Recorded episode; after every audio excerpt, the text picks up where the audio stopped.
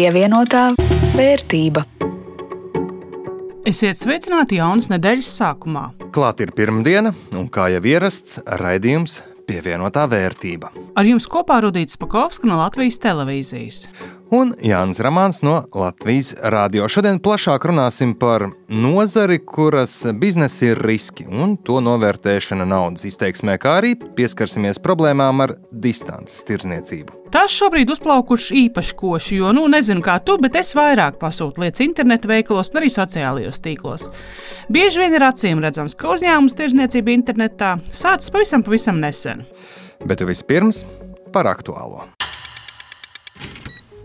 Par spīti tam, ka joprojām ir dienas, kad ar covid-19 inficēto skaits pieaug strauji, pamazām ierobežojumi tiek mīkstināti. Kā jau tika solīts, mazliet brīvāk grožu palaist ceļošanai starp Baltijas valstīm, izveidojot savu veidu nelielu bezrobežu burbuli Baltijas valstu lielumā. Jau no šodienas lidojumus uz Tallinu un Viļņu no Rīgas sola sāk Nacionālā aviokompānija Air Baltica. Bet vietējiem pasažieru pārvadātājiem nu sāp galva par to, kā nodrošināt, lai lietojot sabiedrisko transportu, visi izmanto mutes un deguna aizsegas, kas nu jau drīz nedēļu ir obligāta prasība sabiedriskajā transportā. Bet, ja tas no vienas puses ir potenciāls papildu izmaksas sabiedriskā transporta lietotājiem, no otras puses arī biznesa iespēja. Latvijas dzelzceļš jau izziņojis, ka ir gatavs iznomāt vietas, kurās izvietot sejas masku tirzniecības automātus. Bet nu nebija tā, ka aizvadītajās septiņās dienās tikai par covid-19 un par ierobežojumu mīkstināšanu. Piemēram, noskaidrojām atbildi uz jautājumu, vai par 3200 eiro algu pirms nodokļu nomaksas augstas raudzes speciālisti būtu gatavi vadīt konkurences padomu. Un atbilde ir skaidra, nepārprotama - nē alga ir par mazu iespējams politiskā ietekme, un tā rezultātā konkurss uz konkurences padomus vadītāju amatu ir beidzies bez rezultāta. Savijoties krimināla kronikai un ekonomikas jaunumiem, pagājušo nedēļu ar neparastu paziņojumu klajā nāca Latvijas IT vairumtirgotājs Elko grupa. Stāsts īsumā. Uzņēmuma noliktava apzog, nozagto preču vērtība ir krietna, jo uzņēmums izsludina 200 tūkstošu eiro atlīdzību par informāciju, kas varētu palīdzēt atklāt noziegumu bet viss ir apdrošināts. Tā kā zaudējumi būs jāsadz apdrošinātājiem, nevis pašam apzaktajam uzņēmumam. Vēl Elko grupa izplatīja aicinājumu nepirkt aizdomīgi lētas elektropreces un atklāja, ka pēdējā laikā noliktavas apzaktas vēl vairākiem IT preču tirgotājiem. Kurš apzadzes noliktavu pagaidām šķiet nav noskaidrots, bet mājieni par kroplu tirgu un negodīgu cenu politiku, ko izplatījis apzaktais uzņēmums, vedina domāt, ka iespējams drīzumā uzzināsim vairāk par dažādām zemūdens straumēm šajā daudz miljonu nozarē Latvijā. Pievienotā vērtība. 203 miljardi dolāru. Tik liels zaudējums no koronavīrus pandēmijas gaida globāla apdrošināšanas nozare. Tā paziņoja Lloyds of London.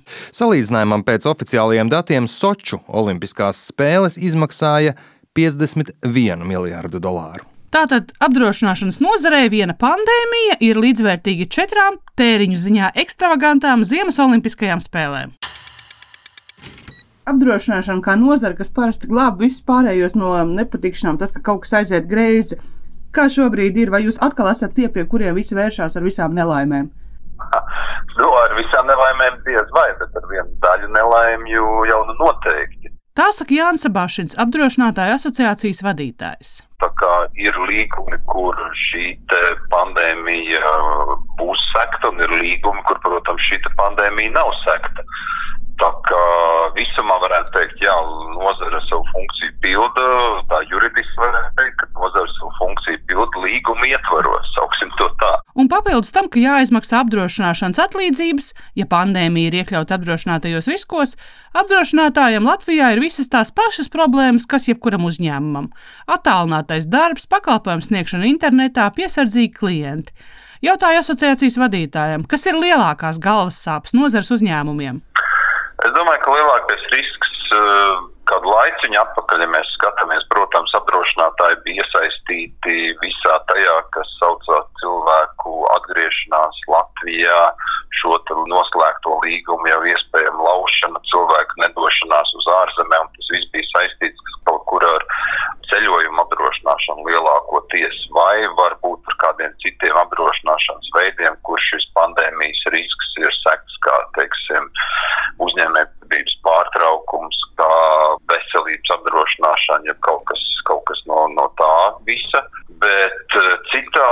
protams, šī mirklī es domāju, ka vairāk tā uzmanība ir pievērsta nākotnē, kad ir tās pandēmijas riskiem mēs jau esam pieraduši, un šī mirklī tas ir vairāk skats uz nākotni. Izmaiņas nozarē pamanījuši arī paši apdrošināšanas uzņēmumi. Turpina akcijas sabiedrības Balta valdes loceklis Uldis Dzinters. Mēs redzam tādu analoģiju ar 2008. gada krīzi.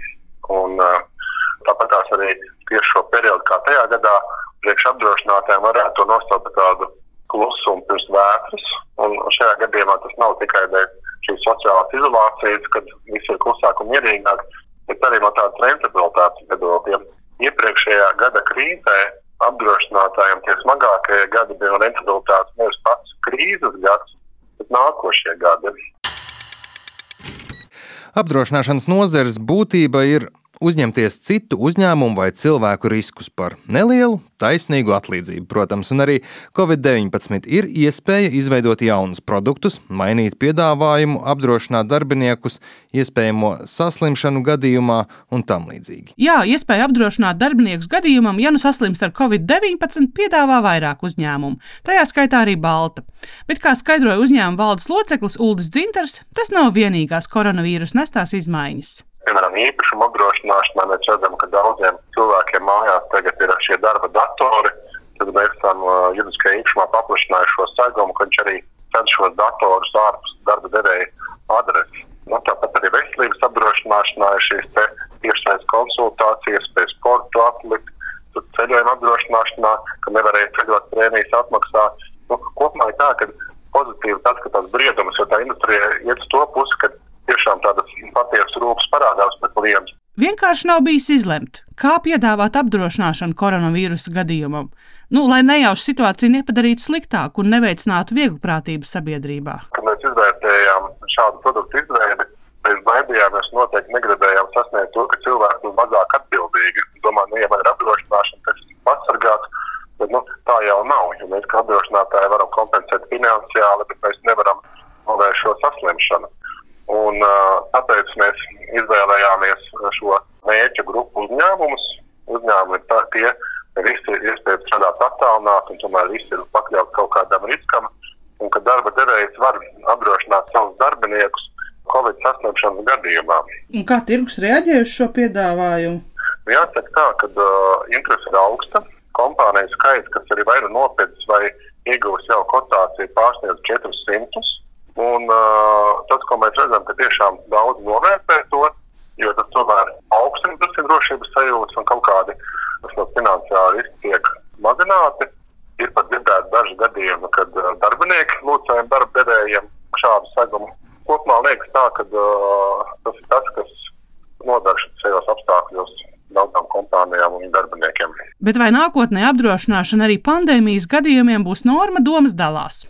Asociācijas vadītājs uzskata, ka jā, nu vismaz atsevišķos gadījumos. Es domāju, ka viena no mācībām, kas noteikti pēc šīs Covid krīzes būs, tāpat kā teiksim, viena no mācībām pēc dažiem teroraktiem bija, ka varbūt arī terorisms kaut kur ir jāiekļauj apdrošināšanas segumos, un cilvēki šo segumu ir gatavi arī iegādāties. Tad es domāju, ka viena no tām mācībām pēc šīs pandēmijas būs tas, kad būs klienti, kuri gribēs šo pandēmijas segumu savā ikdienas apdrošināšanas spektrā, ja tā var izteikties, savā ikdienas segumā. Un šī mirklī tas ir papildus segums, ko daži apdrošinātāji mēģina piedāvāt ātri un inovatīvi.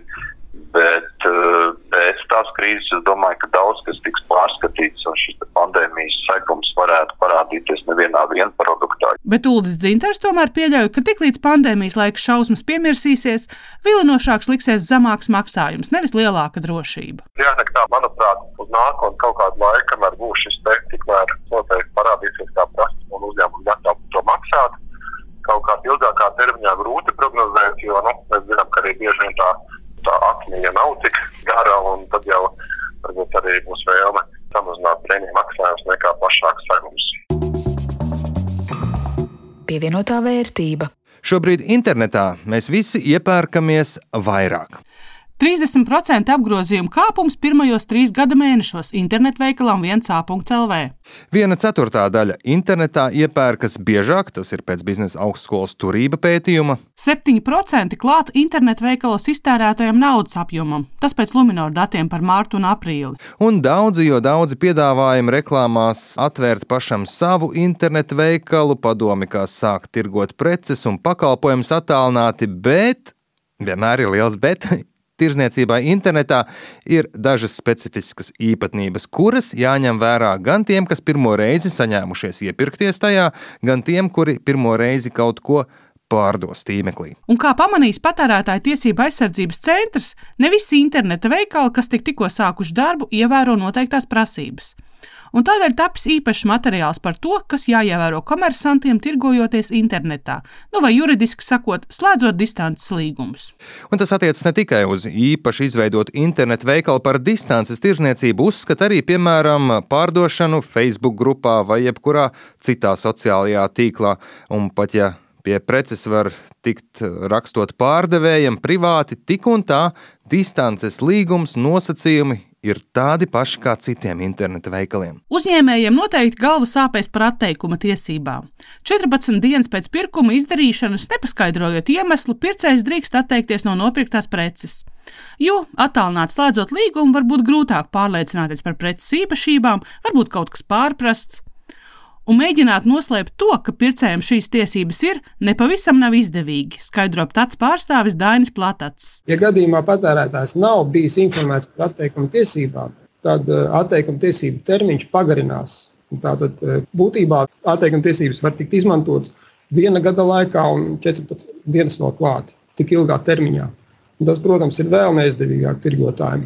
Turklāt šādā gadījumā, ja patērētājs nav bijis informēts par atteikuma tiesībām, patērētājiem arī nav jāatbild par to, kādā stāvoklī šī prece tiek atdota atpakaļ tirgotājiem. Labā ziņa gan ir tā, ka ne visos gadījumos pircējs var pilnīgi brīvi atteikties no jau nopirktās preces.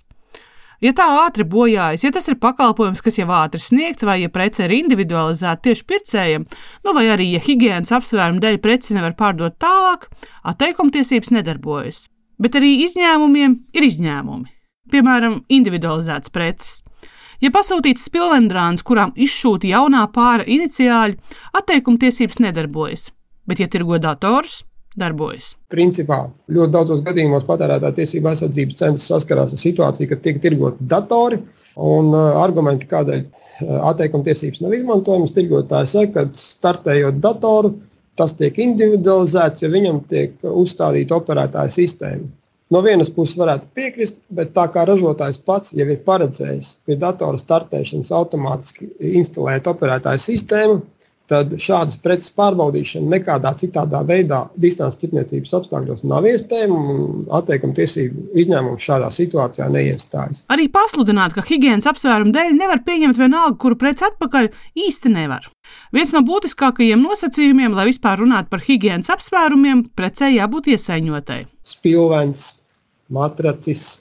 Uh, nu, principā te ir jāsaprot, ka šādas preces nemaz nav pat iepakotas. Līdz ar to te var, nevar nemaz runāt par veselīgumu un, higiēnas apsvērumiem.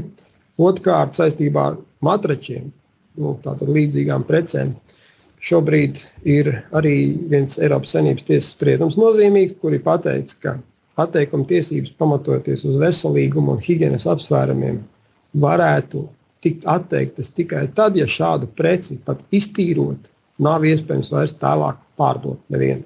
No sirds galvas palauzīt varēs situācijā, ja interneta veikalā nopirkta zelta ziltiņa. Nu, vai jebkura cita prece, kuru vienu no otras ir grūti atšķirt. Nav īsti skaidrs, ko darīt. Kā patērētājs varētu atdot atpakaļ internetu veikalā nopirktu ziltiņu, vai tā būs tā pati. Jo īstenībā patērētājiem jārēķinās ar pienākumu, ka ja tiek izmantotas atteikuma tiesības, viņam šī prece pat eh, tirgotājiem ir jādod atpakaļ un jādod tieši tā prece, ko viņš ir iegādājies. Nu, labi, ka mums vismaz raidījumus var vienu no otrā atšķirt. Nu jā, labi gan.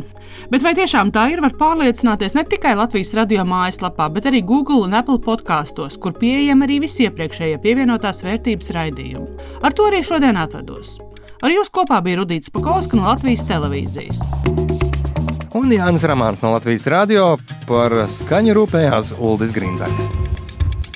pievienotā vērtība.